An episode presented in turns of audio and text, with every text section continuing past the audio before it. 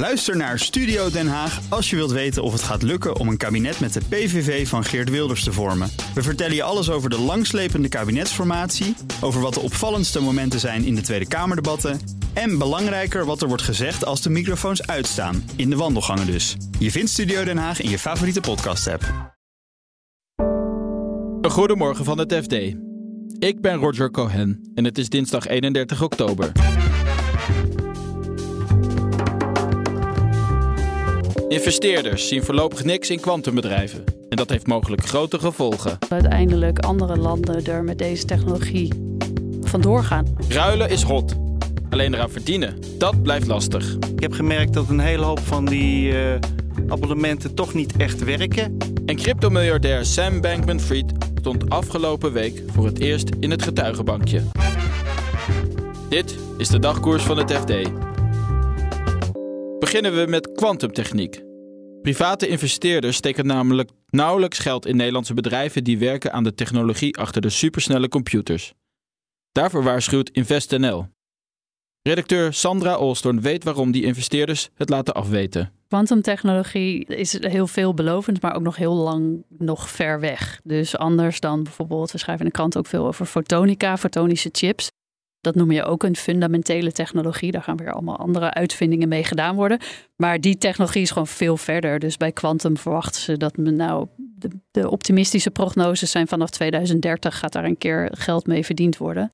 Dus ja, echt wel een belangrijke technologie die er aankomt, maar uh, die ook nog best wel tijd nodig heeft om verder ontwikkeld te worden. En dat past niet bij uh, de, de, gemiddelde een, een, investeringsfonds. Die willen vaak na een jaar of vijf, hooguit tien jaar met geld, met winst uit kunnen stappen. En dat is uh, voor deze sector gewoon nog niet mogelijk.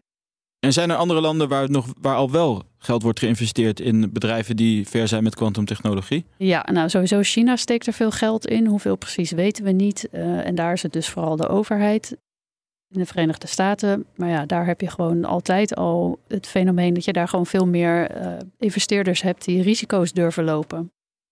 Dat is in Europa uh, op heel veel gebieden een probleem. Maar nu bij kwantum is het wel heel nijpend. Ja, Nederlandse bedrijven doen het relatief goed hè, met kwantumtechnologie. Hoe erg is het als die private investeerders niet investeren komende tijd? Europa heeft bedacht, dit is heel belangrijk voor toekomstig uh, verdienvermogen, voor onze economie. En wij willen daar uh, belangrijke, uh, die industrie deels naar ons toe trekken. Daar wordt heel veel geld in, in geïnvesteerd. Nou, Nederland loopt er dan in voorop als je kijkt naar uh, aantal patenten en, en, belangrijke publicaties. En ook in het aantal bedrijfjes. Nou is dat aantal bedrijfjes echt heel klein. Want het zijn er dus veertien die al gewoon echt lopen. En dan zijn er nog vier, dat noemen ze dan, die zijn in stealth mode. Ja, die, die staan op het punt Onder de radar. Precies, die, um, die, die staan op het punt te beginnen. Ja, het stelt allemaal echt nog helemaal niks voor. Maar je hoort wel altijd van als Nederland doen we het gewoon heel goed op dit, uh, op dit vlak. En het zou gewoon zonde zijn als uiteindelijk andere landen er met deze technologie vandoor gaan. Of als daar die industrie groeit. En je ziet bijvoorbeeld nu bij de chipindustrie hoe uh, vervelend het kan worden als je voor belangrijke technologie van andere landen en regio's afhankelijk bent. En dat wil je hier dus graag voorkomen.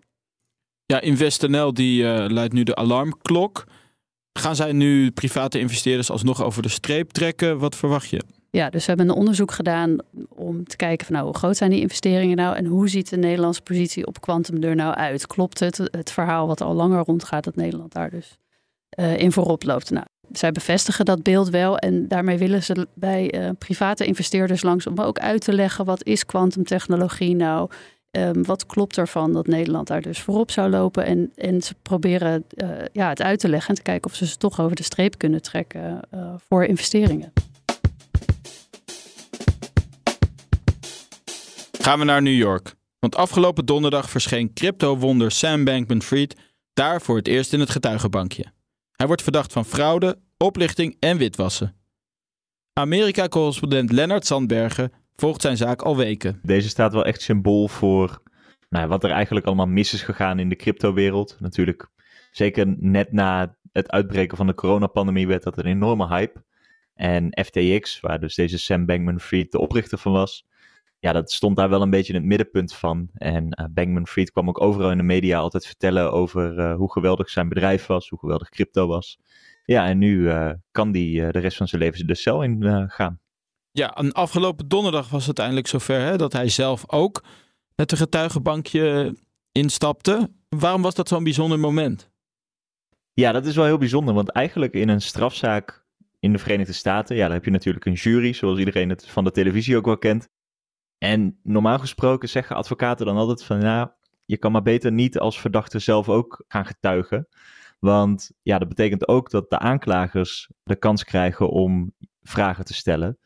En je moet beantwoorden. Je staat onder ede, dus uh, ze kunnen je best wel een hoek indrijven. Of ze kunnen je afschilderen als iemand die uh, niet eerlijk is. Of ze kunnen je uh, boos maken. En als de jury dan ziet dat je heel emotioneel wordt. Of dat je verkeerd reageert in de perceptie van de jury. Dan kan dat wel grote gevolgen hebben voor ja, hoe zij vervolgens over jou gaan oordelen.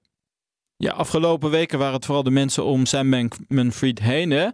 Die hebben getuigd. En die gaven eigenlijk allemaal vooral hem de schuld, als ik het goed begrijp.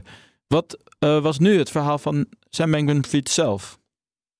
Ja, veel mensen gaven inderdaad hem de schuld. Het waren echt wel zijn, zijn naaste collega's, de medeoprichter van FTX, zijn huisgenoten, zijn, zijn uh, vrienden van, vanuit zijn middelbare schooltijd. Ja, en die hebben allemaal eigenlijk al afgesproken met, met de aanklagers dat zij, ja, dat zij ook schuld bekennen. En in ruil voor strafvermindering geven zij nu een getuigenis ook af. En Bankman-Fried zelf is tot nu toe alleen maar ver, verhoord of eigenlijk, ja, hij heeft zijn getuigenverhoor gehad door zijn eigen advocaat. Dus dan gaat het er eigenlijk allemaal redelijk vriendelijk aan toe. Behalve donderdag heel even, maar daar was de jury niet bij. En toen merkte je al wel meteen, dan was het de aanklager die de vragen stelde, dat het voor Bankman Fried al heel snel heel moeilijk werd. Ja, de verwachting is natuurlijk wel een beetje dat dat ook zo doorgaat in de dagen, want daar gaat het waarschijnlijk op neerkomen, dat de aanklager de vragen mag stellen. En hoe is de sfeer eigenlijk in de rechtszaal? Want jij bent daarbij geweest, hè? Ja, dat klopt. Ik ben er uh, één, van de zittingsdagen ben ik erbij geweest. Ja, het is wel bijzonder. Het is een, het is een zaak met enorm veel media-aandacht. En het is daar heel erg first come, first serve. Dus als jij als journalist in die rechtbank wil zitten, dan zeker nu Bankman Fried zelf uh, het woord voert, dan moet je gewoon om drie uur s'nachts daar al voor die rechtbank gaan zitten.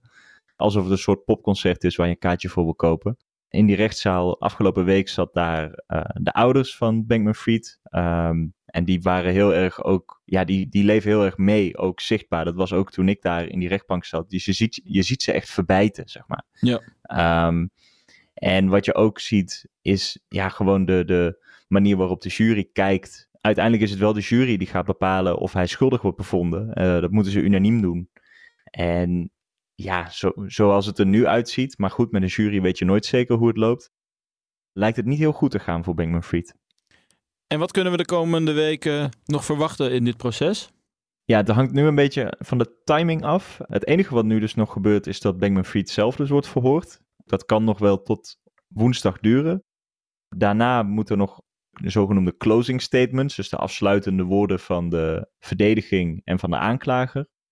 En dan moet er nog een zitting worden gehouden waarin eigenlijk wordt besloten welke instructies de jury precies meekrijgt. Maar het zou kunnen zijn, in het, in het gunstigste geval, dat er vrijdag al uh, een uitspraak ligt. Maar het zou ook nog wel begin volgende week kunnen worden. En tot slot, mensen zijn massaal aan het ruilen geslagen. Toch is het voor bedrijven die in willen spelen op deze trend lastig om eraan te verdienen. MKP-redacteur Richard Smit ging langs bij een paar en verbaasde zich over het enthousiasme. Het is inderdaad opvallend dat er ongelooflijk veel initiatieven zijn om, uh, om spullen te ruilen. Ik heb er zo'n uh, negen initiatieven over gesproken en het lijkt erop dat het uh, veel daarvan voortkomt uit persoonlijke ergernis. Allerlei spullen in huis, te veel spullen. Het past helemaal in de trend van ontspullen. Vaak is het ontstaan op schoolplein dat mensen zich ergeren aan al dat speelgoed wat maar rondzwerft. Met kleding is het natuurlijk ook zo. Die kinderen hebben die spullen maar kort aan. Waar moet je er dan mee naartoe? Je kan het niet allemaal naar kennissen uh, doorschuiven. Dus zo zijn er een hele hoop van die uh, initiatieven ontstaan. Veel tijdens corona, hè, begrijp ik. Wat ik zo terughoor is dat uh, corona sowieso een periode is geweest dat mensen bewustwording hebben meegemaakt. En ze hadden trouwens ook een beetje tijd om, uh, om de kasten op te ruimen. Dus dan kom je erachter hoeveel zooi je eigenlijk hebt. En wat voor modellen zijn er eigenlijk? Je hebt ruilen, je hebt abonnementen. Hoe, hoe verdienen deze platforms hun geld? Ja, daar zitten ze eigenlijk allemaal een beetje tegenaan te hikken. Er zijn verschillende modellen. Uh, de meeste beginnen eigenlijk met een abonnementsmodel. Dat testen ze dan uit. Ik heb gemerkt dat een hele hoop van die uh, abonnementen toch niet echt werken. Uh, mensen voelen zich dan toch gedwongen als ze maandelijks iets betalen om er veel gebruik van te maken. Dan zie je dat veel van die platformen verschuiven naar een betaal voor gebruik model. Dat kan lenen zijn, dat kan, dat kan huren zijn. Dat je gewoon per uur betaalt. En het klimaat is ook wat aan het verslechteren, hè? begrijp ik, voor de bedrijven om uh, zaken te doen. Ja, het is, het, is, het is wel lastiger geworden. Je ziet ook dat heel veel van die bedrijven die zijn online begonnen en dan uh, maken ze de omslag naar toch fysieke ruilmarkten. Mensen vinden het uh, belangrijk om dingen te kunnen zien, om mensen te kunnen ontmoeten. Zo zijn er ook platforms die proberen wat ze online begonnen zijn weer een beetje nieuw leven in te blazen. Want die ruilmarkten die lopen wel alleen online dat voor elkaar te krijgen. Dan heb je toch wat meer nodig. Heb je ook geld nodig om bekendheid te krijgen. Of je hebt geld nodig om meer fysieke ruilpunten te hebben. Want vaak zijn winkels dat, of, of beurzen. Winkels, leenpunten. Dat kost natuurlijk geld om, om meerdere locaties te hebben. Want veel van die gebruikers ja, die werken gewoon allemaal. Die hebben niet zoveel tijd om de hele stad door te fietsen. Dus dan wil je op meerdere punten terecht kunnen. Maar dan heb je wel financiering nodig. En dat is een volgende hobbel die ze moeten doormaken. Het is natuurlijk voor venture capital, de, al die durf-investeerders, uh, is het lastiger geworden met opgelopen rente. En dat merken dit soort initiatieven. Uh, er zijn ontzettend veel adressen waar je aan kunt kloppen, maar je moet nu wel een, echt een heel goed verhaal hebben. Dit was de dagkoers van het FD. Wil je op de hoogte blijven van het nieuws in de wereld van het FD? Abonneer je dan op Dagkoers. Morgenochtend zijn we er weer met een nieuwe aflevering. Nog een hele fijne dag en graag tot morgen.